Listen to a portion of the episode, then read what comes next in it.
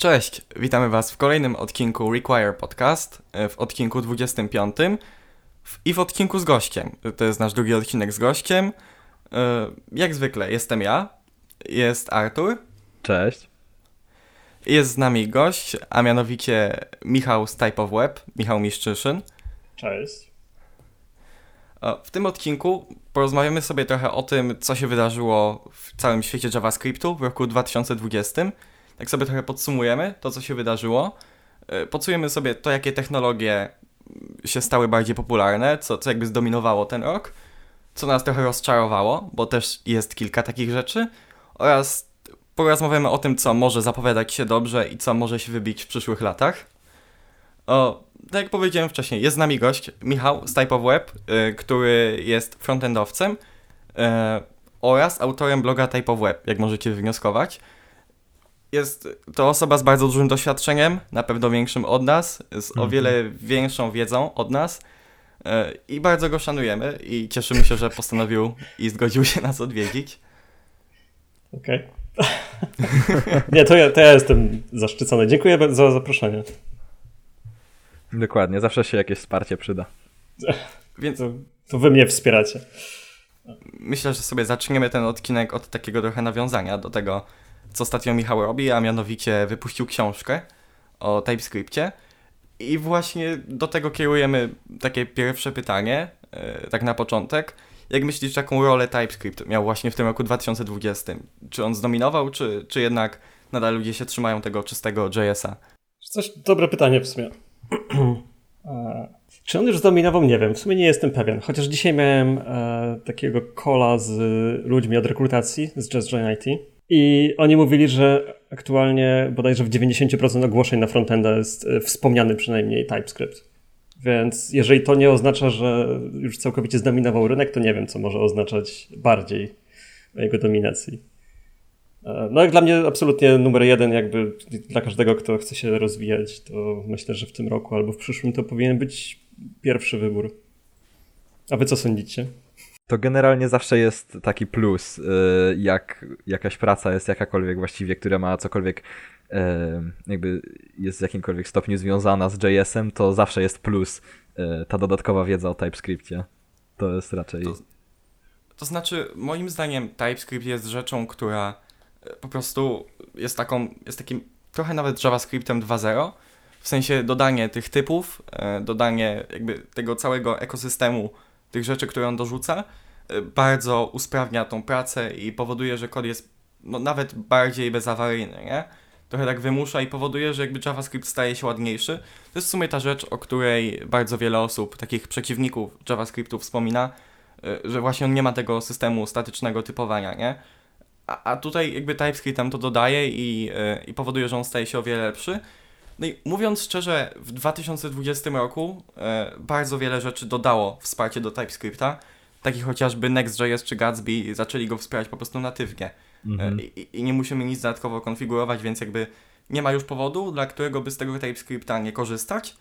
E, Więc po prostu coraz więcej projektów z niego korzysta i jeżeli jest coś, co z niego nie korzysta, to raczej się po prostu powstało tam wcześniej, a raczej nowe projekty już mam wrażenie, że powstają z TypeScriptem już lub są migrowane na, na TypeScripta, więc, więc to jest moim zdaniem taka rzecz, która no, powoli już dominuje ten rynek i, y, i rzeczywiście jakby jest to takie no, rozszerzenie, które, które jest dość wymagane, nie? W, w tym roku. Następnym roku na pewno on już będzie po prostu wszędzie. Tak. Mi się zdaje, że wiele ludzi jak na razie y, też się boi TypeScripta trochę, bo jakby przyzwyczaili się do JS-a i jakby znam, znam pełno osób, które po prostu nie, nie chciałyby tego w ogóle tknąć, bo tak, tak nie, nie, nie ma jakby zby- zbytnio jakiegoś powodu, po prostu nie chcą y, jeszcze pewnie tego kroku zrobić, bo jakby taki, tak się przyzwyczaili do, do JS-a, że TypeScript, w TypeScripta trudno im y, jakoś wejść. To jest też, to może też wynikać częściowo z tego, że TypeScript jeszcze kilka lat temu to był takim typowo korporacyjnym językiem. Mam na myśli to, że e, jakby naśladował Java czy, czy C Sharpa e, składnią, pomysłami, wzorcami i tak dalej. I Mhm. no, wydaje mi się, że to odstraszało społeczność JavaScriptową jednak i to był produkt chyba głównie dla dotnetowców kierowany. kilka lat temu. E, problem może być też z poziomem jakby trudności, z trudnością nauki tego, bo no, jakby przez bardzo długi jest. czas w sumie nie było fajnych źródeł do nauki TypeScriptu, nie? Wszystko było takie jakby trochę za, za firanką i, i ciężko było jakby w to wejść. Wiele bibliotek nie miało typów, to była też dość duża bariera. No a mhm. teraz y, nawet NPM, nie? To chyba od wczoraj czy od dzisiaj zaczyna pokazywać nam, czy paczka jest w TypeScriptie. Właśnie. On tak wchodzi jakby w ten cały ekosystem y, i, i staje się jego integralną częścią, gdzie wcześniej było bardzo trudno się w sumie po prostu niego, jego nauczyć. Y, plus jeszcze na przykład twoja książka, nie? Jakby nie było żadnego takiego kompletnego źródła nauki TypeScripta, oprócz powiedzmy dokumentacji, które byłoby takie kompleksowe i, i byłoby powiedzmy w tym języku polskim naszym, nie?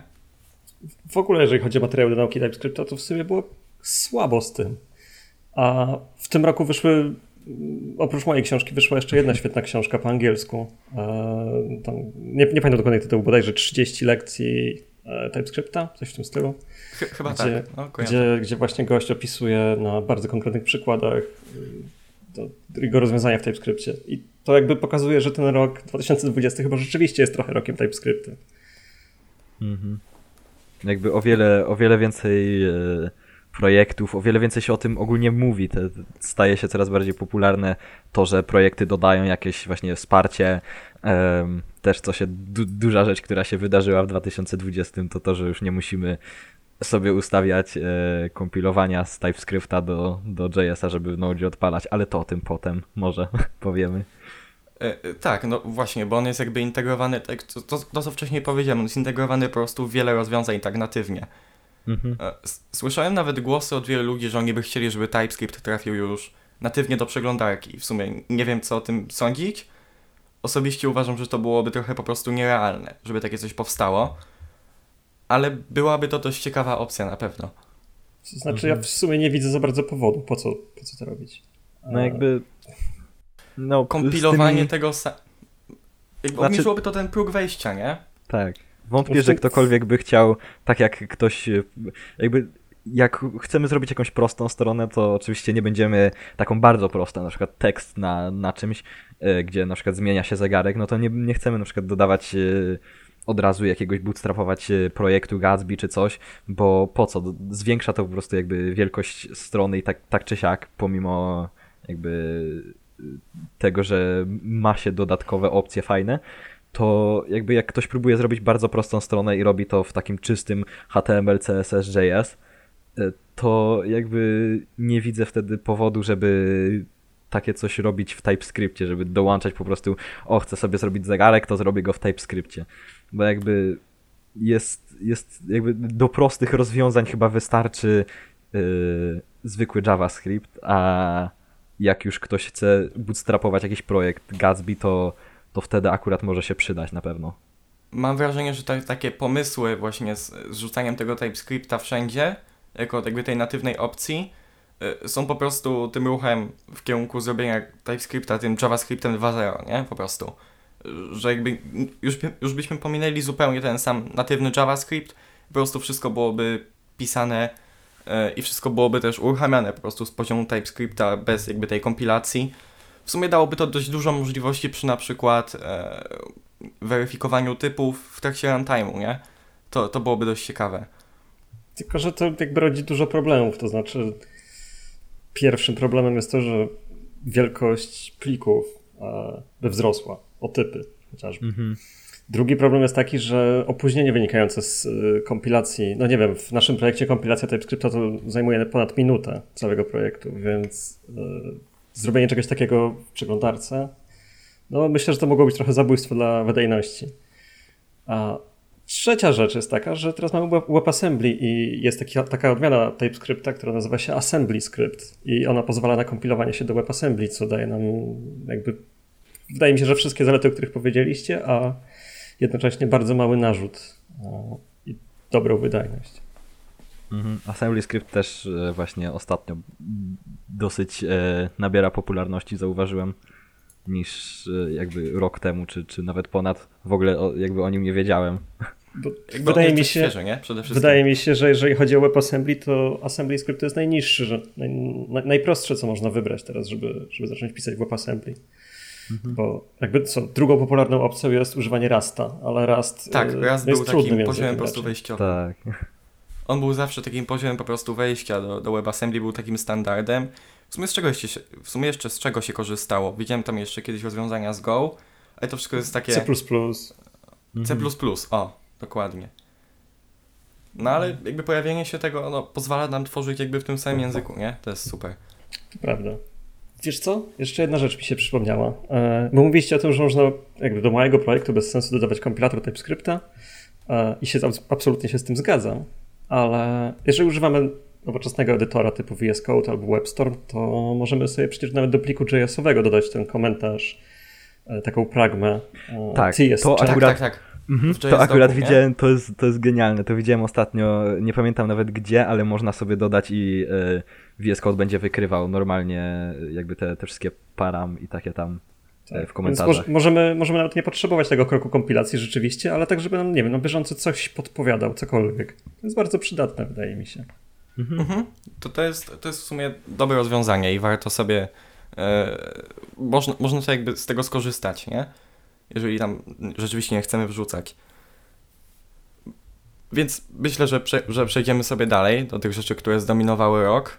E, może zacznę ja, e, bo moim zdaniem bardzo dużo się zmieniło na, na rynku e, od strony Node'a na rynku baz danych, gdyż po prostu wybiła się maksymalnie Prisma i obecnie ona jest już mam wrażenie takim standardem, nie? Że, że rzeczywiście mało ludzi będzie korzystało z jakichś innych rozwiązań i, po prostu wszyscy będą teraz korzystali z Prismy. Mam przynajmniej takie wrażenie, że przy nowych projektach po prostu wszędzie jest rzucana Prisma i e, ona bardzo fajnie sobie współpracuje, nie? Z TypeScriptem, e, z bazami danych, bo ona daje bardzo taką fajną warstwę abstrakcji e, i to pisanie też tych schema jest bardzo ciekawe.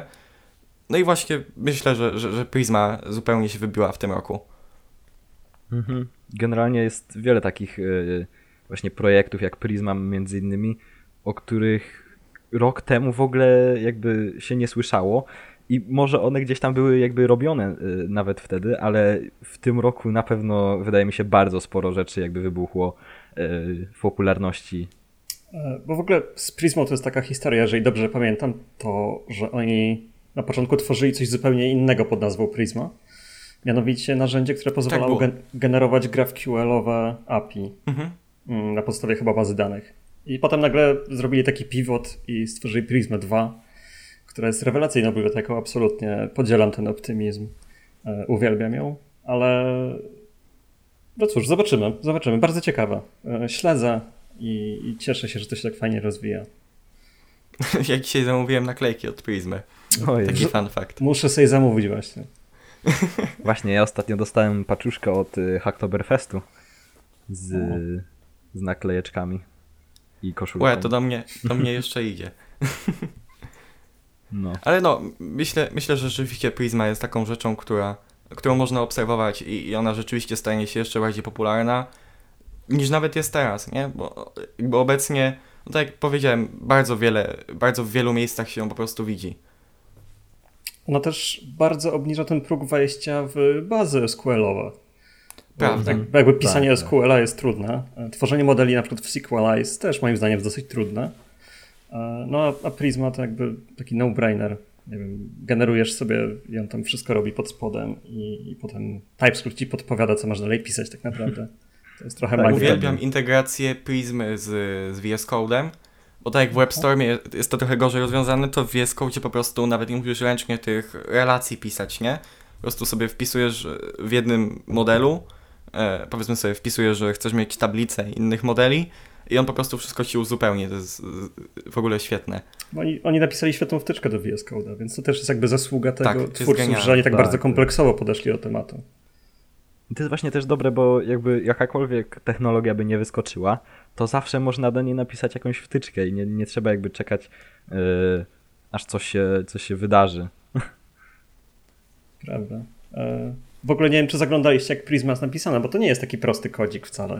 E, Prisma tak, jest w ona, ogóle... jest, ona jest zupełnie skomplikowana pod spodem. Mhm. Tak, tam jest jakiś, oni w ogóle uruchamia się jakiś serwer, jak korzystacie z Prismy. Ten serwer jest napisany w ogóle w Raście. E, I on jakby tłuma, tłumaczy te TypeScriptowe zapytania na SQL-a. I oni to zrobili po to, żeby móc potem ko tworzyć kolejnych klientów. Z tego co wiem, to już mają w Golangu klienta też y, Prismy, który się łączy jakby z tym samym serwerem i też tłumaczy Golanga na SQL-a. Więc wydaje mi się, że ich plany rozwoju są bardzo ambitne i bardzo szerokie. Mam wrażenie, że, że tak obecnie już to jest jakby po, zaczyna być pewnym standardem, to jakby się zupełnie rozrośnie na standard też w innych miejscach, nie? I to będzie po prostu takie go-to rozwiązanie, y, z którego będzie można wszędzie korzystać. Mhm. Mhm. Szczególnie, szczególnie fajne jest to, że jakby możesz wdrożyć Prisma, spróbować do już istniejącego projektu. Ona ci zrobi introspekcję bazy i to jeżeli wszystko super. pójdzie pomyślnie, to możesz już tak. zacząć właściwie w niej pisać. To magia. Mhm. Wystarczy, że masz przygotowaną bazę danych, odpalasz jedną komendę, ona ci wygeneruje i to całe schema yy, i będziesz miał gotowe modele już, od razu jakby przygotowane pod Prismę, bez praktycznie żadnego tam, bez żadnej jakby potrzeby migracji jakby z każdym dniem kod coraz bardziej pisze się sam za siebie. jakby nie trzeba, nie trzeba już aż tak bardzo się z tym bawić i coraz codziennie yy, z każdym rokiem powstają po prostu takie rzeczy, które tak bardzo ułatwiają yy, ogólnie jakby wiele różnych aspektów yy, programowania. Ale w sumie ten, pom- ten, pomysł w sumie nie jest nowy, nie? jeżeli chodzi o bazę Znaczy tak, nie jest nowy, ale na przykład y, jest pełno innych takich nowych rzeczy, które cały czas wchodzą, które po prostu no z każdym dniem po prostu coraz mniej trzeba się martwić o różne rzeczy. Tak. Właśnie, właśnie chciałem powiedzieć, że on nie jest nowy, ale jest nowy w mainstreamie, bo wcześniej to były jakieś bardzo tak, niszowe dokładnie. rzeczy, eksperymenty tak, i tak dalej. bardziej niszowy, no. Problem z takimi pomysłami był taki, że po prostu nie było przepustowości, by takie realizować pomysły. E, bo jakby tworząc coś tak wysokopoziomowego, e, coś co robi jakby wiele rzeczy za nas, wymaga stworzenia bardzo skomplikowanej rzeczy przede wszystkim. Jakby nie mhm. jesteśmy w stanie tego zrobić łatwo, a później utrzymanie tego plus e, jakby rozwiązywanie jakichś problemów, stworzenie dla tego czegoś community, które będzie jakby na tym pracować, bo jednocześnie korzystając z tego, musimy zmienić wiele innych nawyków, które mieliśmy wcześniej, no to to jest jakby dość, dość, dość trudne zadanie, natomiast obecnie jakby rozmiar community, które jest po prostu otwarte na różne rozwiązania, jest na tyle duży, że rzeczywiście powstaje jakby miejsce na takie rzeczy, tak. które po prostu tak bardzo ułatwiają wszystko. Idą po prostu pełną parą takie projekty. Zobaczcie też, nie wiem, integrację Prismy z Nextem. Jakby dwa zupełnie różne światy, a tak łatwo to mhm. zintegrować, że nie wiem, zaczęli teraz współpracować nawet. Więc no, świetnie to wygląda. W ogóle no, jakby komu by przyszło do głowy, żeby na, w kodzie frontendowym bezpośrednio wywoływać zapytania do bazy danych i on ci z tego wygeneruje statyczne pliki. Dla mnie to był taki mind blow. W ogóle cały, cały ogólnie y, Next, y, który też bardzo się rozpopularyzował w 2020, y, ogólnie te, te wszystkie jego takie funkcje, które nam daje na przykład get static props, server side props, to wszystko jakby jest takie tak bardzo ułatwia jakby robienie jakich, takich pełnoprawnych, fullstackowych aplikacji, i wystarczy jeden projekt, jeden, jeden jakby framework i można sobie na przykład y, za, za, zapytania do Mongo wysyłać y, w tym samym pliku, w którym masz frontend na tak. przykład. E, na przykład Incremental Static Regeneration, nie? które wprowadzili dość niedawno. To jest po prostu świetna mm -hmm. rzecz. Mhm. E, ja jestem tym szczęśliwym użytkownikiem, który, który z y, Nexta korzysta od 2018 roku, czyli już długo, długo, długo. E, kiedy w nim jeszcze nie było tych wszystkich rzeczy, to był sam e, server-side rendering, ale z tego się po prostu korzystało tak przyjemnie i miło, że e, bardzo się cieszę, że jakby byłem jednym z tych early adopterów i teraz jestem na bieżąco z tą technologią. Tak. Shoutout, jeśli pamiętacie Zeita. Tak. Zeit Now. Właśnie. Zeit Now. Lepsza nazwa moim zdaniem. Też mi się wydaje, że lepsze niż Werce, ale... Miało to jakiś tak, taki theme. o wiele gorszy. Taki theme, że to Zeit, bo to jest po niemiecku czas i now, no. że now. Taki... Taki jakiś joke. Taki... ale prawda, nie? Jakby oni zupełnie wystrzelili w tym roku, moim zdaniem. Mm -hmm. To, co się w ogóle stało na Next.js Conf, to jest po prostu coś świetnego. E, tak, takie rozwiązania za, zaprezentowali. To jest po prostu, moim zdaniem, oni zdominowali ten rok, jeżeli chodzi o frameworki frontendowe, nie? Po prostu Raczej tak. wprowadzenie, w ogóle nawet wczoraj, nie? Tam coś nowego wprowadzili. E, ten szablon do, do, do organizowania do eventów. Tak, event, on, online conference. W ogóle bardzo dużo dają za darmo społeczności. No, mhm. Nexta, Vercela masz za darmo dla... Jakby cała, cała, jakby cała, cała firma Vercel jest tak magiczna, takie zbyt dobre, żeby było prawdziwe. Prostu jestem ciekaw, jeszcze... jestem ciekaw, jak oni mogą na tym zaradzić, no bo w sumie dla użytkowników takich zwykłych to jest za darmo, a dla firm to kosztuje jakieś tam grosze typu, nie wiem, 20 dolarów miesięcznie chyba. Tak, 20 dolarów miesięcznie yy, i to bodajże jest, yy, cena zależy chyba od yy, pracowników, czy coś takiego. Od liczby ale osób w organizacji, sobie... ale możesz tak, mieć tylko jedną. organizacji. Tak, dokładnie, ale na przykład co, co właśnie jest ciekawe, wcześniej organizacje były za darmo. Można było sobie po prostu stworzyć organizację tak. i sobie importować, bo tak to trzeba podłączyć do, do czegoś innego znowu Y, kolejne, jak chcesz na przykład organizację GitHubową podłączyć, to nie możesz tego podłączyć do swojego konta, tylko musiałeś stworzyć organizację na Wercelu. Mm-hmm. I to i my jeszcze na przykład jako Require założyliśmy y, organizację na Wercelu wcześniej, jak było to darmowe i oni w ogóle jakby zostawili nas w spokoju, jakby nic od nas nie chcą, nie? Założyliście, tak. ok, macie stary darmowy plan, nie? Ale jak chcecie, to polecamy przejść na, na ten lepszy plan, który aktualnie Nawet mamy. nam zniżkę dali, minus 15% na ten nowy płatny. Dokładnie. Ja, jest... Jeśli byliśmy na tym starym. To jest mega ciekawe, bo ja też zakładałem konto dla Xteamu na Vercelu i też jeszcze za darmo, a tydzień później zakładałem dla Type of Web i już nie było za darmo. I trochę byłem w szoku. tak, to jest, Więc, smutne, też próbowałem założyć i... Ale tak, jakby... Ki kilka dni temu do nich napisałem, poprosiłem o sponsoring, zobaczymy co, co z tego będzie. Właśnie. E, na, na polski frontend, nie? E, tam. Tak, tak, ale wiesz, sponsoring chyba będzie dla całej organizacji, więc wtedy... U. E, no. No to odnośnie jeszcze tych, odnośnie jakby, myślę, że oni nie mają jakichś specjalnie wielkich kosztów, nie, związanych z, z hostowaniem takich prywatnych projektów, bo jakby, tak jak patrzę, to jakby moc obliczeniowa tego, co tam jest na tych serwerach, nie jest jakaś z kosmosu, nie? Jakby to wszystko jest zoptymalizowane po prostu po to, żeby działał Next, yy, działały im te funkcje, no i jakby nic więcej tam nie zrobisz, nie? A, a do tego w sumie nie potrzeba jakiejś wielkiej mocy obliczeniowej. Tak, dokładnie. Jakby oni to też... mają po prostu dobrze przemyślane, taki idealny po prostu pomysł. Yy, cała taka infrastruktura, ten cały ich edge, network, yy, to ten pomysł właśnie z serverlessem i takie tam, to jest jakby idealne, idealne jakby yy, idealne to, że możesz oferować yy, ludziom za coś za darmo i to cię nie będzie kosztować yy, dużo. Tak. I po prostu nadal możesz na tym jakoś mieć korzyści z tego. Oni też to jakby ma też związek z optymalizacją kosztów. Oni bardzo zniechęcają, e, żeby nie robić server-side renderingu, tylko właśnie statyczne generowanie. Mm -hmm. To mhm. dla nich tak. to jest praktycznie darmowe. No, no dokładnie. Dla nich, no, no prawda jakby, nie? Dokładnie, jakby to... Zobacz, ten, ten incremental static regeneration, nie? No to możesz sobie tam ustawić, powiedzmy, żeby co sekundę e, inwalidowało i po prostu na każdym kolejnym requestie. Więc jakby z jednej, więc jakby oni tym sobie robią oszczędność na po prostu większych projektach, nie? W ten sposób. Mhm. Jestem, jestem też przekonany, że oni tę inwalidację jakoś u siebie e, robią jakoś sprytnie. Oni naprawdę nie przebudowują całego projektu z tymi samymi danymi, bo to by było bez sensu, tylko wydaje mi się, że oni to jakoś jeszcze weryfikują. Mhm. Więc jakby jeżeli nic się nie zmieniło, to wydaje mi się, że ten build w ogóle się nie uruchamia. No generalnie jakby jakoś pewnie... mądrze to rozwiązali. Jakby nie wiesz, co tam się dzieje pod spodem, bo to jest tak wszystko zintegrowane, nie? Tak, i to jest e, takie w ogóle ciekawe, bo te wszystkie rzeczy Yy, na przykład Next jest idealnym tego przykładem.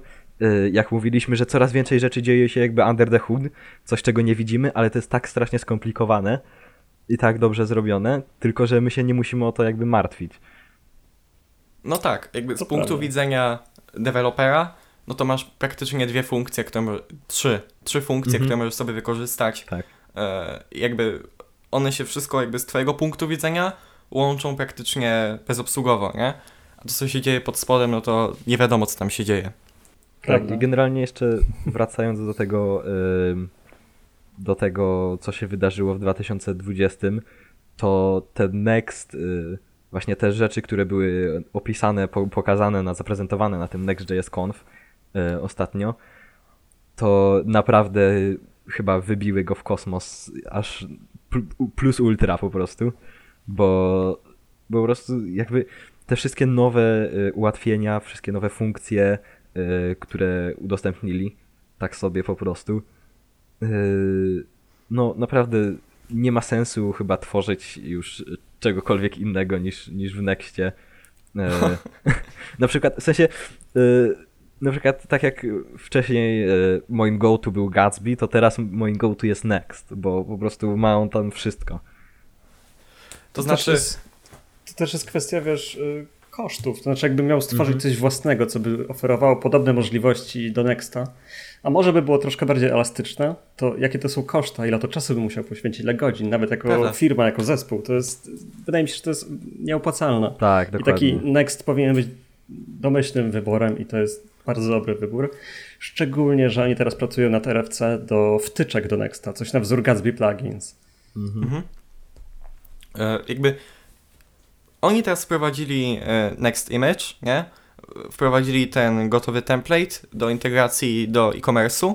Jak w sumie jeszcze jednej rzeczy, której nie ma ani jeden, ani drugi jakby z tych frameworków, czyli Gatsby i Next, to jest e, gotowe rozwiązanie do autoryzacji, nie? do autoryzacji użytkowników. E, jakby rzeczywiście żaden z nich nie ma takiego gotowego rozwiązania, które jest po prostu bardzo łatwo zaimplementować. Zawsze no, tam musimy korzystać, do... korzystać z czegoś, tutaj, wiesz. Tutaj do Nexta jest paczka. Do tak, tutaj pole... Next Dokładnie, tutaj pole do popisu ma open source i community i naprawdę jest pełno tych e, paczek dodatkowych, które niektóre z nich są naprawdę bardzo dobrze zrobione. E, na przykład e, paczka od samego pracownika Wercela, która po prostu jako prywatnie po prostu wydał do jakby łatwego streamowania aplikacji. I to jest jakby, jakby fajnie można robić swoje własne rzeczy, nie? No jak jakiemuś projektowi coś brakuje, to, to zawsze można dodać jakąś paczkę. I to jest też moim zdaniem super, że jakby community może się też zaangażować. Fajna jest, fajna jest ta polityka Wercela, bo oni właśnie dzięki temu, że tak dużo dali społeczności za darmo, bo nie wiem, zobaczcie ich organizację na GitHubie, mhm. ile tam jest różnych, nawet takich małych projektów, wszystko jest open source. To jest, to jest no to jest wspaniałe, nie można sobie brać i, i za darmo korzystać. Tak. E, I dzięki temu wydaje mi się to też motywuje ludzi, żeby ludzie coś dawali od siebie. Mhm, to mhm. jest takie właśnie takie, taki, taki wholesome y, realizacja założenia open source, nie? Tak. E, jakby pamiętam jak jakby odkrywałem, nie? Te wszystkie rzeczy, które, które robi Wercel, no to po prostu na co je wpadałem, to widziałem, że było zrobione wtedy jeszcze przez Sajta, nie? Powiedzmy mhm. SWR, E, mhm. Patrzę, dlaczego to jest od nich, nie? Kolejna rzecz od nich. Surf, e, Terminal tak, Hyper. Tak, dokładnie. Tak. Te... Po prostu wszystko, czego bym nie sprawdził, to było od nich. Od nich tam ja po prostu okresie. aż, y, aż nie mogłem uwierzyć, że paczka MS, której, z której korzystałem, tak. było go y, po prostu święcie przekonany, że o, fajna paczka po prostu. Y, kiedyś jakoś kilka lat temu, to ona też była zrobiona przez Wercela.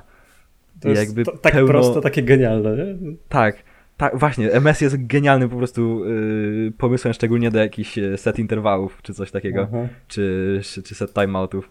I to jest taki prosty pomysł, ale jest mega. I, i właśnie aż się bardzo zdziwiłem, że kolejna rzecz, którą zrobił Welcel, o której nie, o, z której korzystałem, a nie wiedziałem, że to było od Welcela. Po prostu zrobili czy pełno warto, różnych projektów. Warto sobie rzucić okiem na tą ich organizację, bo tam rzeczywiście jest pięć stron paczek, nie? Tak, dokładnie. Tak. Jeszcze próbuję teraz znaleźć stronę stronę Vercela Meet the Team. Coś takiego mieli kiedyś.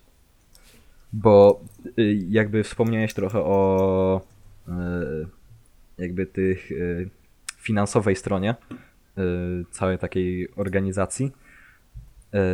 Generalnie sam założyciel Guillermo on, y, nie, nie, to nie jest tak, że po prostu przyszedł sobie jakiś y, gościu nie wiadomo skąd i postanowił, hej, założę firmę i będę robić to.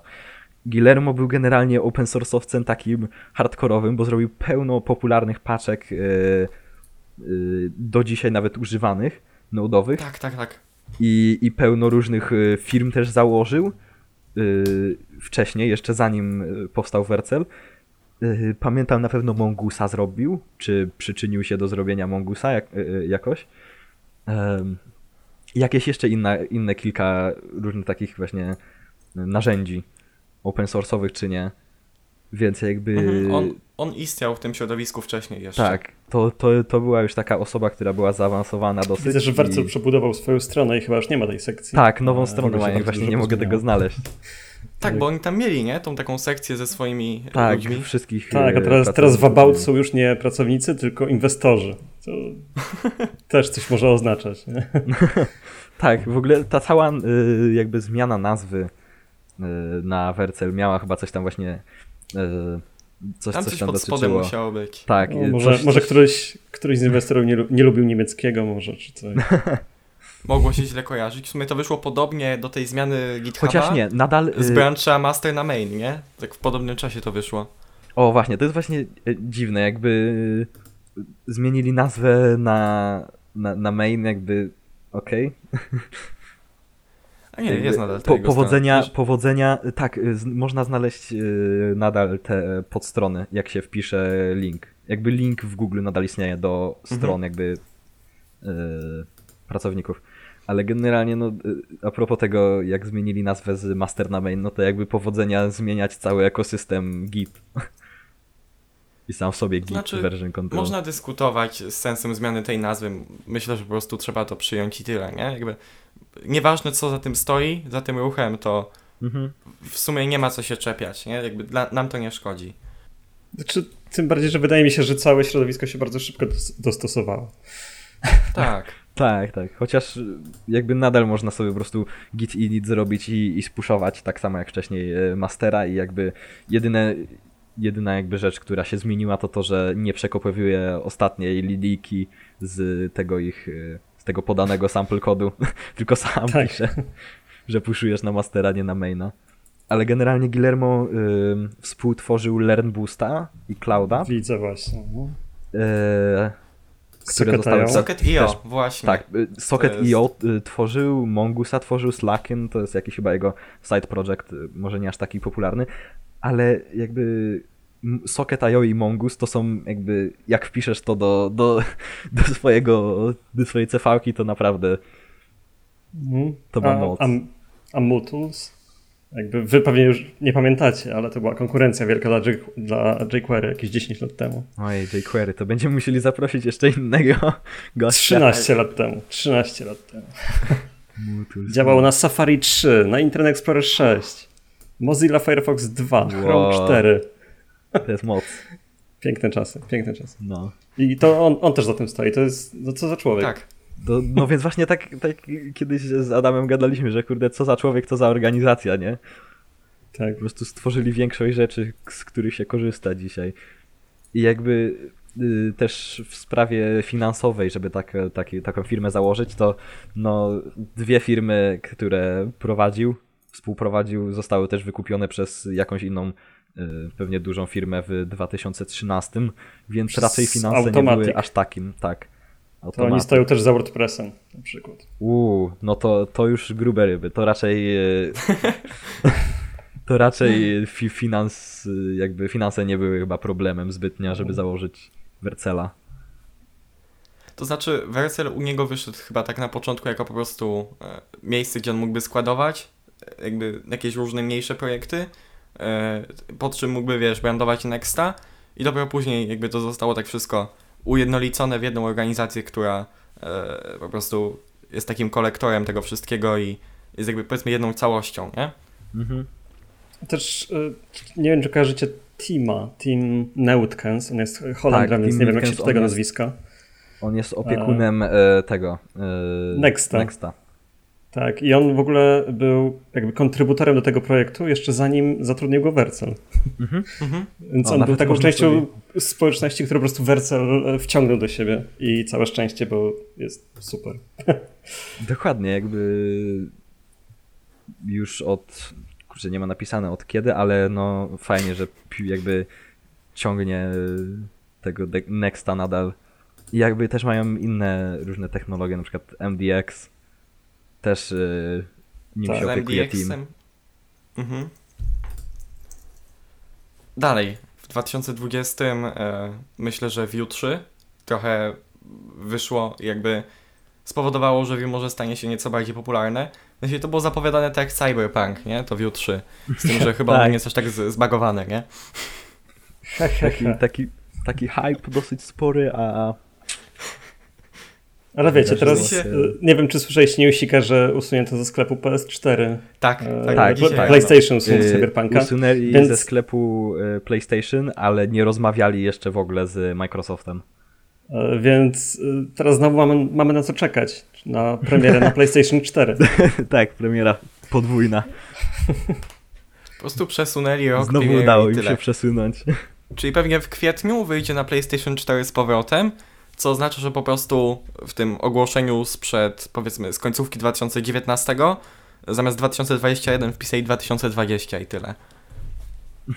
No, jeżeli, jeżeli chodzi o fabułę, gra jest super. Nie wiem, czy graliście. Prawda. Tak, E, gra jest I ma świetny dźwięk, nie? Jakby Ale- w ogóle sam, e, jakby pomijając to, że to jest pełno bugów, nie? Sam, sam ten hype, który gra stworzyła i wiele rzeczy, które gra zainspirowała przez te 8 lat, przez które była już ogłoszona, to jakby nawet fajnie, że mimo wszystko, że bo jakby e, zainspirowało to pełno jakby nowej muzyki typu cyberpunk, punkowej, aka cyberpunkowej, pełno innych jakichś właśnie takich e, rzeczy, które Jakby mają ma taki vibe dość ogólny. duży wpływ na kulturę, nie? Tak, w sensie taki by- vibe jakby Tworzy to bardzo charakterystyczny taki klimacik wokół siebie, więc e, jakby I najlepsze jest, jest to, tak że twórca, ma wpływ. twórca, sam sobie twórca Cyberpunka y, pracował, w sensie twórca Cyberpunka y, pomagał nad y, pracami o grze, pracami, no generalnie pomagał w grze, jak tworzyli grę Cyberpunk. Y, więc bardzo fajnie, że jakby ten cały vibe został oryginalny też y, odwzorowany. Ale wracając do Vue 3. Tak. E, Vue 3 wprowadziło nowe API, e, Composition API, które nieco bardziej upodabnia Vue do, do Reacta. E, Vue ogólnie jest takim po prostu moim zdaniem zlepkiem różnych ciekawych rzeczy. E, Na przykład mają to wsparcie dla JSX-a e, zamiast tych template'ów. Teraz zrobili to Composition API, więc praktycznie Vue stało się takim czymś bardzo uniwersalnym i myślę, że może to trochę popchnąć Vue do przodu jeszcze bardziej w walce właśnie z Reactem i z Angularem. Z tego co pamiętam, to patrząc na raporty, e, które pojawiły się jakoś ostatnio, Vue ogólnie już przegoniło mocno Angulara, nie? I jakby mamy tego Reacta, Mhm. który dominuje maksymalnie i potem jest Vue nieco bardziej nad Angularem. Jakby to jest chyba wiadomo, Angular tak trochę podumiera, mi się zdaje. Jakby jeśli chodzi o korpo, to jakby nadal może, może, może jakby się y, broni, ale naprawdę jeśli chodzi o takie projekty osobiste, to, to już raczej przejmuje Vue i React. No, to na pewno. To jest zdecydowanie. No. Pracowałeś kiedyś w Angularze z TypeScriptem? E, Bo, bo jakby ty kiedyś bardzo dużo w tym siedziałeś jako Angularze w Angularze, ale e, czy siedziałeś w Angularze w z TypeScriptem, Michał? E, ja? Tak, tak. Jeszcze w AngularJS z TypeScriptem i potem w Angularze 2 Plus też e, przez rok. No to nieźle. Jakby dość ciekawe to jest w sumie, że, że jakby to tak podupada. No bo jakby to jest w sumie ten nowy Angular jest całkiem okej, nie? Patrząc jakby na, na jakby jego API obiektowe. W sensie nie wiem jak, jakby nie współpracuje to jakoś specjalnie dobrze z tym środowiskiem JS-owym, nie? Jakby z samą, samym założeniem frontendu. Ale jakby sam w sobie w sumie nie jest aż taki zły, nie? Jak, jak był na przykład kiedyś. Ale na przykład z drugiej strony, albo w sumie z tej samej strony, mamy też e, w Node.jsie teraz Nesta, który Tak. Mhm. jest, wygląda praktycznie jak Angular. E, bardzo mi się nie podoba, a zbiera z, ogromną popularność teraz. Tak, Nest na pewno popularnością się cieszy bardzo. Więc nie wiem, czy teraz społeczność czeka na coś w pokroju Reacta na, na backendzie, czy, czy o co chodzi? No właśnie nie wiadomo. Może Znaczy, Ciekawe. Nest, Nest jakby on, on nawet sam mówi, nie? że jest inspirowany e, Angularem. Jakby mają to gdzieś w Mhm. dokumentacji, e, więc on, on zdobywa ba- bardzo dużą jakby popularność wśród community, bo jakby zdobywa e, sympatię powiedzmy C-sharpowców, dotnetowców, e, czy ludzi przychodzących z Javy, bo jakby wygląda to dla nich bardzo podobnie do tego, co oni piszą normalnie, nie? Natomiast patrząc na e, na przykład Expressa e, czy na Happy, no to wygląda to bardziej e, inaczej, nie? Niż, niż to, co oni robią cały, na co dzień. O, masz coś jeszcze od siebie w kwestii technologii, które twoim zdaniem zdominowały ten rok? E, Jeżeli chodzi o coś, co zdominowało, to nie, ale mam jeden taki. Jest, jest jedna rzecz, na którą bardzo liczyłem, a która mnie mega zawiodła. O, Więc to może- to może później. Możesz zacząć. E, remix. Kojarzycie takie, takie Mhm. narzędzie Remix? Tak, E, to jest e, taki... Ryan Florence, Michael Jackson, e, czy twórcy Re- React Routera i Reach Routera i tam jeszcze paru innych rzeczy. E, Zrobili ko- komercyjny projekt. Mhm. Tak, tak. Płatny. I to jest chyba największy problem. To jest, tak, to jakby... s- W jakby sensie, ta... zapowiadało się to ciekawie, e, Mhm. patrząc na to jakby, e, jeżeli jakby wypuścili jakieś zupełnie ciekawe, rewolucyjne feature, nie? Ale patrząc na to, jak to wygląda obecnie i patrząc na to, że to jest płatne, no to jest to zupełny nonsens, e, bo daje nam jeszcze mniej niż Next.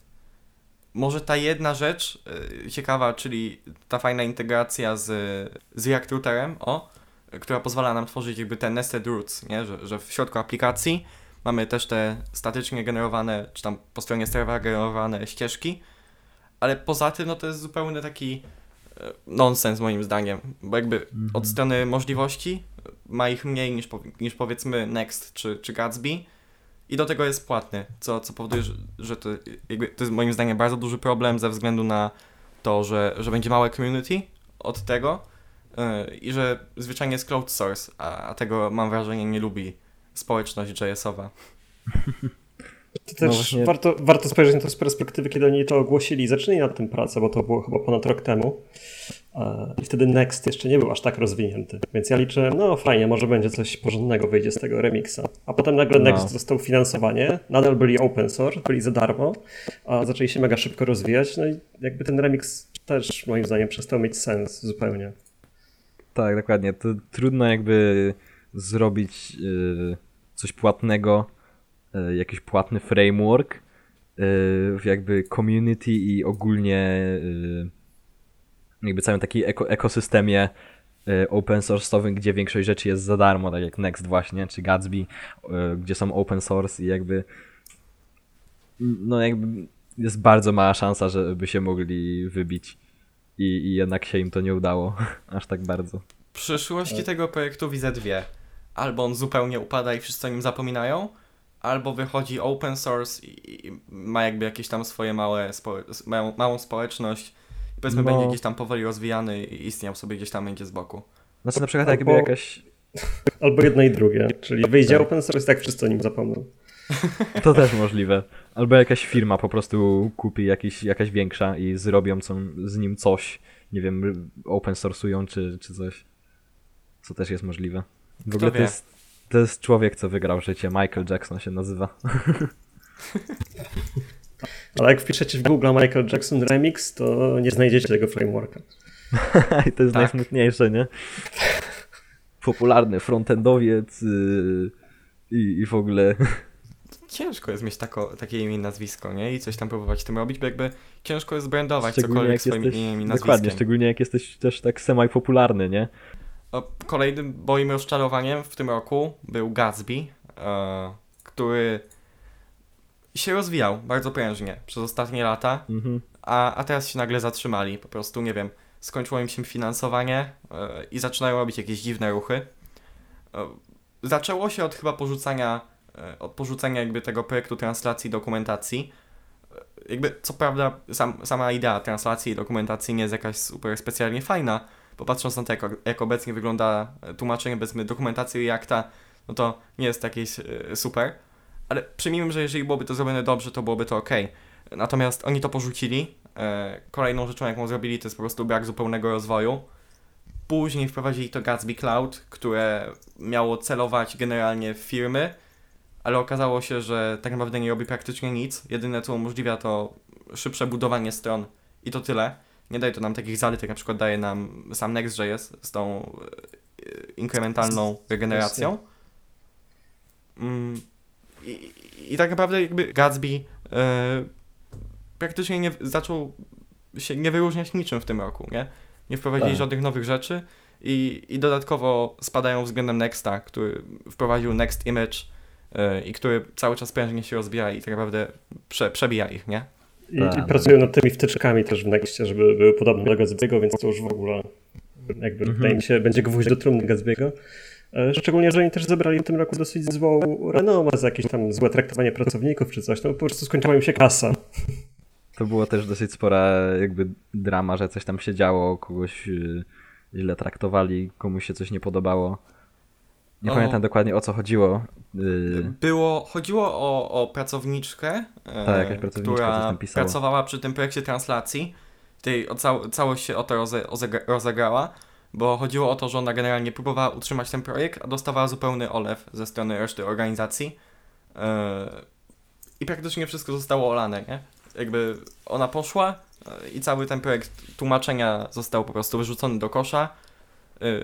Ona później zamieściła całą serię tweetów. tak, I, cały i taki tak się thread. to skończyło, nie? I Tam jeszcze narzekała na jakieś rzeczy, y, które jakby nie podobały się jej z samym sobie Gatsbym. Ostatnio też Gatsby zaczął robić, e, zaczęli robić Gatsby Desktop. E, To, to jest takie e, GitHub Desktop. bardzo, bardzo śmieszna rzecz. Zaczęli tworzyć aplikację desktopową, która po prostu zapewni GUI na, e, na CLI Gatsby'ego. Co jest em, dziwne. Ta, tak, jak, tak jak GitHub Desktop. Ktoś tego w ogóle używa. No właśnie E, To wątpię. jest cały czas w developmencie, ale jakby ja nie widzę sensu używania tego, nie? W sensie, jeżeli nawet to powstanie, no to kto, kto będzie z tego korzystał? Jakby w, gi- w Gicie jeszcze można jakoś y, GUI ładnie y, zwizualizować, bo też te wszystkie brancze i tak dalej, to można by było jakoś ładnie, nie wiem, zaprezentować dane no, analityczne czy coś. W CLI to jest głupio, nie? No, a ale do Gatsby to tak trochę dziwnie. Więc jakoś e, dziwnie e, dziwnie wyglądał ten rozwój, czy raczej jego brak e, w samej sobie ogólnie też organizacji Gatsby i, i tego projektu Gatsby. I jeszcze no dobiło też to, że jakby Next.js e, wyszedł z tymi wszystkimi rzeczami w stylu Next Image, te e, jakieś inne rzeczy, Next Statyczna Analytics, generacja. statyczna generacja, wszystko inne, pełna jakby. Wydaje mi się też, że wydaje mi się też, że społeczność bardziej lubi Vercela i Nexta. Za te wszystkie rzeczy open source, za konferencje, za wypuszczanie Tak, tylu. Tak. narzędzi do e-commerce, teraz tak do konferencji właśnie. Jakby teraz... Właśnie Ta też jest zupełnie wspomnieć, że- inna. że Gatsby zaczyna olewać zupełnie community. To, co było na początku bardzo fajną rzeczą u nich, że praktycznie każdy issue, każda PR była rozpatrzona indywidualnie i stawały się po prostu częścią tej ich całej społeczności, to jakoś w tym roku wywalili wszystkich z organizacji, Właśnie, olali to jest- zupełnie całe community, e, to znaczy robisz PR i ona praktycznie nie jest rozpatrywana w ogóle. Mhm. Pojawiło się tam bardzo dużo problemów, plus ten ich Gatsby Swag, który zawsze był takim fajnym atutem i, i ludzie, wiesz, otrzymywali te ich koszulki, naklejki, no to e, ten nowy Gatsby Swag na przykład zupełnie przeoszczędzili na naklejkach i naklejki są po prostu takimi wydrukowanymi w drukarce na, na papierze samoprzylepnym. Jakby sam osobiście i Adam też chyba e, mam koszulkę Gatsby'ego za, za PR-y. I jakby to było fajne rozwiązanie, żeby ludzie jakby e, e, się angażowali do, jakby wspierania projektu i e, ulepszania go, ale no jakoś to tak To jest kupowanie sobie tych Mhm. ludzi i kiedy tak, kończy ci się kasa, a nie masz jakby takiego realnego community, które pomaga ci, bo jakby chce, no to niestety, ale to nie pociągnie długo, nie? Ta, Mm, dalej, takim rozczarowaniem, ale może nie, y, jest GraphQL, który wbrew pozorom moim zdaniem jakoś specjalnie się nie wybił w tym roku. W sensie były pokładane w GraphQL-u bardzo duże oczekiwania, że on zupełnie zdominuje ten rok i że wszyscy będą korzystali z GraphQL-a, a jednak tak nie jest, mam wrażenie. Mhm. Jakby mimo wszystko wybuchł, yy, tylko może raczej yy, gdzieś wcześniej, yy, ale no jakby zapowiadało się to o wiele lepiej. to znaczy jakby on sobie nadal istnieje w tym miejscu, gdzie, gdzie był. Tak, jakby... Był ten hype przez chwilę, nie? Jakieś, wydaje mi się, że to było dwa lata temu. Teraz już raczej, raczej nie. No, był, tak jakoś... był hype, ale on jakby nie był wszędzie, nie? I po prostu było oczekiwane po tym hypie, że jakby on zacznie być wdrażany wszędzie, nie? A jednak on nie jest wdrażany i nadal ludzie korzystają z innych rozwiązań. Nie wiem, tak, taki... chcia, chcia, chciałem tak to dodać, nie? Jakby jako taką rzecz, która jeszcze nie, albo już nie. No jak kto Teraz wie, może- zawsze może się coś zmienić. Teraz może sobie pogadamy o tym, co może się pojawić w przyszłych latach, co może się wybić. A tych rzeczy jest dość dużo, które się pojawiły w tym roku i, i zapowiadają się naprawdę świetnie. E, Ja zacznę od frameworka Blitz.js, który jest oparty na Nextie oraz na Prismie i moim zdaniem jest naprawdę świetną rzeczą. E, To znaczy, obecnie jeszcze bym go nie wrzucał, nie? Do realnych projektów, bo jest po prostu niedopracowany. Dokumentacja nie stoi jeszcze na, do, na dobrym poziomie. Natomiast on się cały czas rozwija i buduje się na tej pewnej swobodzie Nexta. E, tworzy taki zopiniowany framework, który będzie jakby miał określone formy robienia danych rzeczy, e, mając od razu tą integrację z bazą danych i mając świetny mechanizm do autoryzacji po prostu od razu po wyjęciu z pudełka. E, I wszystko jakby generalnie działa i e, jest naprawdę świetne. Generalnie bardzo dużo rzeczy dostajemy po prostu po wyjęciu z pudełka. Wykorzystuje pod spodem już gotowe i sprawdzone rozwiązania, jakim jest Next. E, Wspiera, wiadomo, statyczną generację stron, wspiera server-side rendering. Można go z łatwością wydeployować na Vercela. Jakby on i tak, i tak pod spodem ma tego Nexta. I moim zdaniem Blitz zapowiada się naprawdę świetnie. Mhm. Wspomniałeś, że jest taki, e, e, jak ty to powiedziałeś, e, opinionowany? Z opinio- opi- opinionated? To jest po angielsku? Nie wiem Nie jak wiem, to jak po polsku, dobra, to ale myślę, generalnie... myślę, że zopiniowany to jest dobre tłumaczenie. Mhm. Więc generalnie sam w sobie y, Next też jest zopiniowanym jakby frameworkiem. Już, już Nie jakby, aż tak. Chociaż nie, nie jest aż tak. Da, daje nadal bardzo sporą e, jakby bardzo sporą, e, tak jak powiedziałeś, e, dowolność. E, możesz robić sobie wiele rzeczy, które po prostu chcesz, ale e, wiele aspektów te właśnie Nexta samego w sobie też jest opinionated, e, więc budowanie na Nexcie moim zdaniem jest chyba dobrym rozwiązaniem. Szczególnie, znaczy- że Next jest jakby wspierany 24 na 7 przez Vercela samego w sobie. E, Wiesz co, jakby mnie się bardzo podoba na przykład sposób e, zapytań do bazy danych, e, Okej. bo wykorzystujesz sobie jednego hooka, podajesz tak zwane query i generalnie on ci fetchuje te dane oraz wykorzystuje React Suspense, czyli ten concurrent mode do fetchowania tych danych. E, Jakby działa to wszystko pod spodem, ty tylko wrzucasz jakby jednego hooka, podajesz mu jedną funkcję i, i to działa. Fajnie też wyglądają mutacje, które są super otypowane dzięki Prismie i TypeScriptie.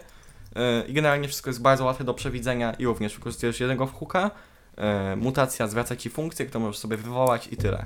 Jakby ty nie zajmujesz się w ogóle requestami do, do żadnego API, to pod spodem wykorzystuje właśnie te e, API functions, ale jakby na to nie zwracamy uwagi jako, jako deweloperzy i wszystko to bardzo fajnie wykorzystujemy. Jest to po prostu taki, wiesz, gotowy framework full stackowy, który, e, który moim zdaniem może bardzo urosnąć w przyszłych latach, e, bo jakby tworzy rozwiązanie, które jest właśnie bardziej, zopin- bardziej zopiniowane, nie? Bardziej ci narzuca pewne rozwiązania, które moim zdaniem są super wygodne, nadal dając ci możliwość wykorzystywania tej, tej e, dowolności Nexta, nie? No, więc generalnie Blitz się bardzo dobrze zapowiada. I miejmy nadzieję, że, że rozwinie się to jeszcze bardziej Prawda. i naprawdę powstaną świetne rzeczy. Ja jestem na tym hype pociągu Blitza i naprawdę mu kibicuję i będę go śledzić. Dokładnie. Jakby też hype przyciąga inwestorów. Bo czasem jedyne co wystarczy to tylko sam w sobie hype pociąg, Tak, tak to działa. Nie? bo wtedy jakby zauważają, że warto yy, to rozwijać. No jakby projekt sam się toczy trochę. I dokładnie. Jest też kaska. Znaczy, jeżeli, jeżeli dobrze to rozwiną i nie popsują tego, no to rzeczywiście moim zdaniem to jest rzecz, która może się rozwinąć. Już w obecnym momencie jakby to jest bardzo używalne. Jedyne czego mu brakuje to jest takie dopracowanie oraz dobra dokumentacja. Bo obecnie dokumentacja jest taka ogólnikowa i wielu rzeczy musisz się domyślać, nie? Tam szukać po pryzmie, zgadywać jak coś działa, ale moim zdaniem jest naprawdę super. Kolejną rzeczą, która się pojawiła w tym roku i, i może trochę namieszać w przyszłych latach jest Deno, o którym był Mhm. cały odcinek, e, nagrywany dosłownie w tygodniu, w którym pojawił się pierwszy stabilny release. E, I Deno jest takim nodem 2.0 z, ze wsparciem TypeScripta, e, ze wsparciem takich ciekawych importów. Od razu jakby ma całą tą składnię ES Modules e, w połączeniu z możliwością ładowania modułów tak jak to robi Go, czyli po, po HTTP. Jakby Mm. on jest cały taki e, TypeScript centered, wszystko kręci się wokół tego TypeScripta bardziej. No i Deno może w przyszłych latach trochę namieszać i jakby zastąpić tego Node'a. Jest rozwijany przez tego samego człowieka, więc y, on pewnie wie co robi Mhm. i, i, i, i może jakby rzeczywiście to zamienić. Czy w Znaczy najbliższych jakby- latach, powiedzmy roku, dwóch, to nie wiem, ale później rzeczywiście może stać się to takim zamiennikiem.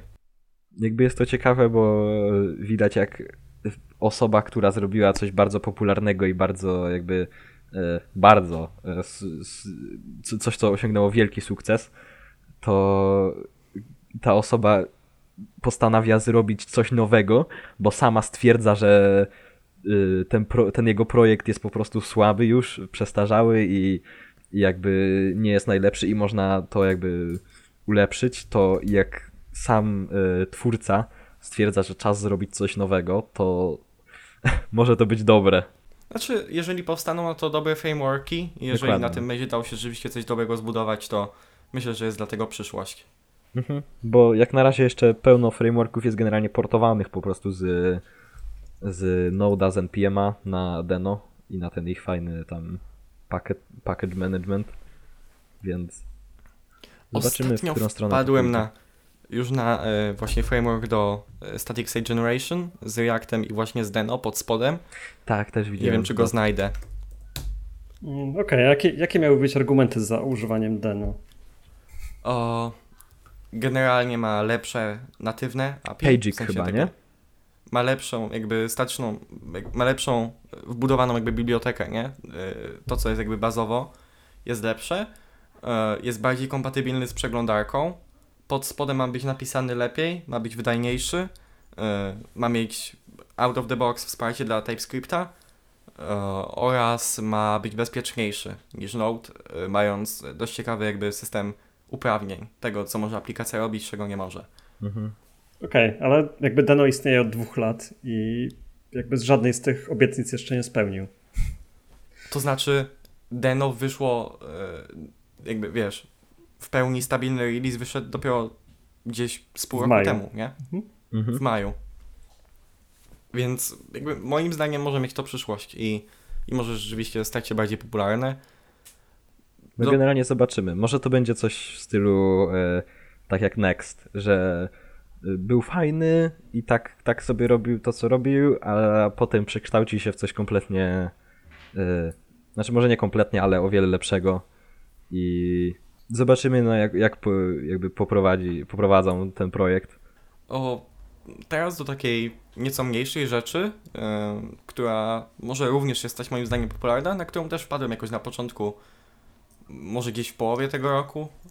Co, nazywa się to Roam, Roam Tools. E, jest stworzone przez Facebooka e, i jest to taki cały toolchain po prostu rzeczy, do, który ma na celu zastąpienie Babela, bo jest w stanie nam transpilować kod, ma nam zastąpić slinta, ma wbudowany linter, e, ma zastąpić webpacka, ma zastąpić Prettiera, ma zastąpić e, Jesta i test runnery. E, Jest to po prostu taki cały toolchain zorientowany wokół tworzenia aplikacji w JavaScriptie, dając nam całe jakby środowisko, żebyśmy nie musieli korzystać z innych tooli. Moim zdaniem jest to dość ciekawe i, i może mieć to przyszłość. Jest taka bardziej mała rzecz, ale jakby może się wkrótce gdzieś pojawić w jakichś większych projektach. Wątpię. Jakby Rome jest dosyć martwy, bo e, jakby Facebook nie stoi za tym projektem, tylko stał za nim były pracownik Facebooka, który się zwolnił i teraz zbiera pieniądze e, na rozwijanie Roma. Mm, Po prostu nikt, nikt tego nie używa, więc jakby to pewnie umrze. Niech to, niech to umrze.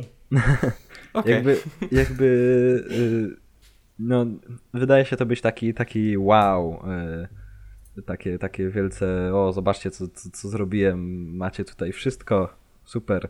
Y, jakby yy, jest to pomysł taki, no nie powiem ciekawy, ale no też jakby nie, nie widzę, nie widzę zbytnio yy, jakby to mogło działać na, na dłuższą metę, ale zobaczymy jak to, jak to jakby dalej poleci. Jakby o tym, o tym newsie, o tym pracowniku, który się zwolnił i teraz zbiera, to nie słyszałem. Powiem. Sebastian McKenzie. W ogóle na stronie Roma jest teraz też zbiórka. E, o... On potrzebuje 100 tysięcy dolarów. I'm Sebastian McKenzie, the creator of tak. Babel and Yarn. On, on potrzebuje 100 tysięcy dolarów, a e, znaczy, Na papierze 30. moim zdaniem to wygląda całkiem ciekawe, ciekawie, nie? Ale rzeczywiście nie, nie wiem jak realizacja tego pomysłu wygląda. No. Jakby sam te, teoretyczne założenie mogłoby nawet fajnie funkcjonować, mi się zdaje. A ty masz jakieś, jakieś rzeczy, które tak znalazłeś i, i myślisz, że mogą się wybić jakoś w przyszłych latach? Nie wiem. Nie. Prisma na pewno, o to już mówiliśmy. Next to na pewno, ale to też już mówiliśmy. E, to są moje typy raczej na, na kolejne lata. TypeScript. Mm. Jeżeli chodzi o takie nowinki, to ja w sumie przestałem się tak tym jarać już po kilku wielkich zawodach. E, po tym, jak coś umierało albo w ogóle się nie przyjmowało. To jakby nie warto się w to angażować emocjonalnie, dopóki coś się nie ustabilizuje. Ja już jestem stary. nie no, jakby nie...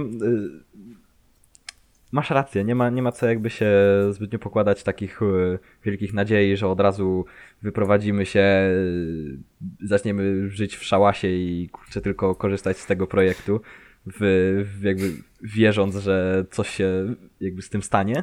Ale jest fajne czasem, czasami obserwować jakby rozwój i to jakby jak projekt się rozwija i w którą stronę ci, ci jakby twórcy go prowadzą i czy może będzie przydatny y, za jakiś czas. No to na pewno, to na pewno. Znaczy fajnie, że ludzie eksperymentują i tylko, że na jakby na 100 projektów to tylko jeden się pewnie przyjmie. Mhm. Ale gdyby nie te pozostałe 99, to tego jednego by pewnie nie było. Ciekawą rzeczą pamiętam, że był e, Pika, m, mm, który miał na celu e, jakby powrót do, do używania po prostu na, natywnego kodu w przeglądarce przez e, tworzenie jakby ekosystemu paczek, które możemy po prostu importować e, zwyczajnie jakby w przeglądarce za pomocą składni ES Modules. E, I, co zrobili jego twórcy? Jego twórcy porzucili ten projekt i, i stworzyli swój własny module bundler. I, I to była Pika oraz Snowpack. Obecnie mamy właśnie Snowpacka, który jest module bundlerem, który jest tworzony przez, przez twórców y, wcześniej Piki, nie? Mhm. Więc jakby takie projekty mogą, ludzie, ludzie jakby, którzy za nimi stoją, mogą też również w pewnym czasie po prostu stwierdzić, że to co robią jest trochę bez sensu i zrobić coś innego, e, coś zupełnie innego, nie? No dokładnie, bo jakby, po 180 stopni. Jakby samo w sobie eksperymentowanie z projektami, zrobienie różnych e, właśnie rzeczy nowych, e, jakby to jest cała podstawa wymyślenia czegokolwiek, bo w dzisiejszych czasach większość rzeczy, na które wpadniesz, to ktoś już zrobił, czy opatentował, czy coś, więc trudno tak wymyślić od razu coś nowego. I jakby gdyby, gdyby te na przykład tak jak podawałeś taką, e, taki przykład, że gdyby te e, gdyby te 100 projektów nie było rzuconych o ścianę i, i żaden z nich się nie przykleił, to jakby nikt, nikt by nie zauważył, że jeden się przykleił, się przyswoił i wiadomo, że e, jakby powstała jakaś nowa rzecz, bo ktoś eksperymentował i nagle coś wymyślił i okazało się, że było to fajne rozwiązanie, więc jakby eksperymentowanie zawsze warto, Y, eksperymentować, chociaż właśnie tak jak mówiłeś, nie jest, nie jest to warte aż takich emocji. Mm, jeszcze takie myślę, że końcowe pytanie, dokąd to wszystko zmierza? takie bardzo ogólne, ale w sumie patrząc na to, y, jak w którym obecnie kierunku zmierzają te rzeczy, które dochodzą do popularności, to to, co mówiliśmy wcześniej, jakby zmierza się do tego, y, by rzeczywiście wykorzystywać możliwości tych technologii, E, i tworzyć coś, co będzie jak najbardziej wyabstrahowane, będzie jednocześnie pozwalało nam na jakby dość dużą swobodę nie? w pisaniu i, i będzie jakby dobrze wspierane, ale z drugiej strony dąży się do stworzenia jak najbardziej wygodnych rzeczy i rzeczy, które robią jak najwięcej zamiast dewelopera. no na przykład taki Tailwind, nie? Który jakby e, tak naprawdę daje nam pewną łatwiejszą metodę tworzenia po prostu CSS-ów e, na podstawie po prostu pisania klas, e, ale tak naprawdę nie daje nic więcej niż to, nie? Po prostu przyspiesza ten development przez e, tworzenie jakby mniej problematycznego, mam, mam wrażenie, środowiska, e, ale jakby nie daje żadnych gotowych rzeczy, nie? Żadnych gotowych komponentów czy coś. Po prostu, two- po prostu, daje, po prostu daje taką jakby gotową bibliotekę do, do tworzenia styli, które pisze się szybciej, bo one się po prostu ze sobą kleją. I, I to jakby wszystko chyba w tym kierunku zmierza, że po prostu będzie się przyspieszać ten development i będzie się po prostu ułatwiać programiście pracę. Tak, no i tak jak chyba Artur wspomniał, e, kod się będzie pisał sam, tak jak w Prismie. E, Połowa No, ci się generuje. To myślę, że to jest dobry kierunek też rozwoju. Tak, wiele takich nowych projektów, e, między innymi właśnie te, które teraz podaliśmy, Next i, i Prisma i te inne, e, coraz bardziej idą w stronę po prostu tego, żeby były e, łatwiejsze dla samego sobie dewelopera, żeby nie trzeba było się z nimi aż tak bardzo bawić, żeby po prostu zrobić, jakby zrealizować swój pomysł. Niż po prostu pisać kod po to, żeby go pisać, czy żeby móc napisać potem jakiś inny kod. No cóż, myślę, że to chyba wszystko. E, Teraz sobie przejdziemy jeszcze do szybkich nowości, mm, czyli tego, co się wydarzyło w ostatnim tygodniu i będziemy powoli kończyć. Szybkie nowości może zacznę ja. E, Od tego, co się wydarzyło e, na ostatniej konferencji GitHuba, GitHub Universe 2020, w której to pojawił się, na której to zaprezentowali ciemny e, theme dla, dla, dla GitHuba. Z tego co wiem, to, to Michał e, nie jest fanatykiem, nie? Ciemnych motywów. Nie. Ale jest to dosyć spora jakby e, spora zmiana, bo dotychczas wiele ludzi korzystało z, e, z wtyczek po prostu do Chroma. E, od Stylish Themes był, był taki e, customowy theme ciemny, więc jakby sa, sama opcja, że mamy jakby możemy sobie wybrać e, przełączenie się na, na tryb ciemny jest po prostu fajne. Kolejna ciekawa rzecz to jest na przykład automatyczne merge'owanie pull requestów e, na protected branches, czyli na brancze, które są zabezpieczone. Dość ciekawe w sumie. E, tylko nie wiem, jak to będzie miało wpływ na, na bezawaryjność. No więc właśnie. Może to kilka błędów. A, Wydaje mi okej. się, że jakby chyba zastosowaniem tego głównie jest, e, są, są pull requesty typu od e, Dependabot, gdzie aktualizuje no, ci Takie rzeczy, gdzie po zależność. prostu klikasz. Ale wiesz, jakby one mogą no. być również czasami problematyczne, nie? Czasami coś wejdzie i, i nagle popsuje, więc nie wiem. No zobaczymy No jeszcze jak to w praktyce. E, I to wszystko z ciekawszych rzeczy, które zaprezentowali. Chociaż ja, ja mam jedną, e, jedno zastrzeżenie do ciemnego filmu e, na, na GitHubie. To jest to, że przestał mi działać, przestała, znaczy zepsuła mi się wtyczka e, Refined GitHub. Jestem bardzo salty. Jeszcze nie jakby- naprawił? Znaczy właśnie nie jestem pewien, ale jak wydali y, Dark Theme, to zaczęło dziwnie, nie, wie, wiele rzeczy zaczęło dziwnie wyglądać po prostu, y, jak miałem zainstalowaną wtyczkę Refined GitHub. Ale zobaczymy, Ciekawe. może to, może to naprawi. To jest też właśnie taki, y, taka, taka, taki mały minus korzystania z rzeczy, które są jakby community made, że nie są jakby y, na bieżąco wspierane, aktualizowane. Kolejną rzeczą, która tak się pojawiła ostatnio jest e, Deno 1.6, które e, moim zdaniem bardzo ciekawa rzecz, wspiera możliwość kompilowania tych powiedzmy aplikacji w Deno do gotowych po prostu e, plików wykonywalnych, czyli do exe, e, po prostu sk- skompilowanych na daną platformę, mających tam w środku jakiś runtime Deno, dość ciekawe rozwiązanie. Co prawda Vercel mm, stworzył takie rozwiązanie dla, dla Node'a, Tak, to jest dosłownie, to jest dosłownie zintegrowane PKG od Vercela. Package. Więc y, to, do czego dąży Deno, czyli po prostu integracja wszystkiego jakby w środek e, ich, ich, ich rozwiązania, nie? Żeby to wszystko się znajdowało w jednym miejscu. Mhm. Wszystko było takie out of the box, y, wszystko mają oni wsparte. I kolejna rzecz, e, która mnie osobiście zadowoliła, e, to WebStorm 2020.3. o, który ma wsparcie dla Tailwinda.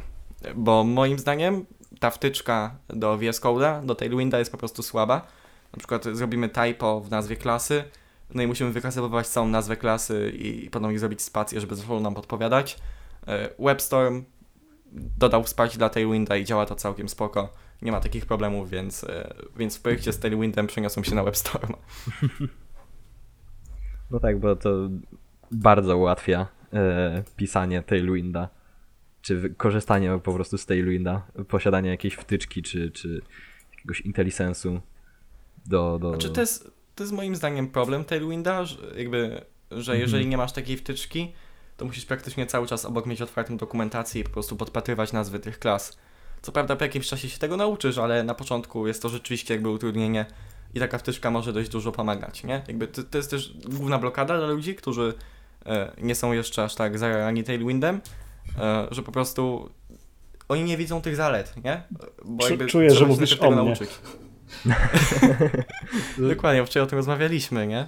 Ja, ja w ogóle nie znam żadnej biblioteki UI, nie znam Bootstrapa, nigdy mi się nie chciało go nauczyć. Jakoś nigdy nie e. widziałem zysku z korzystania z niego, tak samo nie widzę za bardzo w Tailwindzie.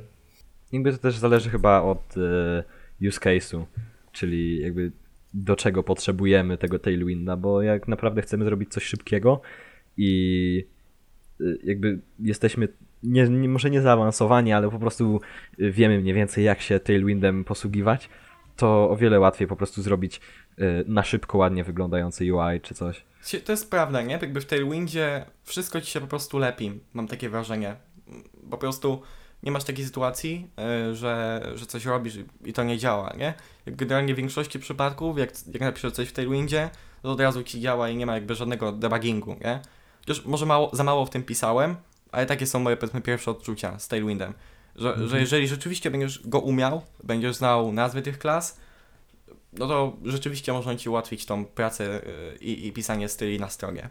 No, jeszcze Webstone zrobił kilka takich małych UI changes, ale to chyba nic jakby wielkiego. Tak nikt tego nie używa. A i jeszcze do Deno, yy, nie wiem czy to jest jakieś yy, bardzo ważna rzecz, ale yy, mają wsparcie eksperymentalne do tych nowych chipów e, procesorów Apple'a. Wiesz co...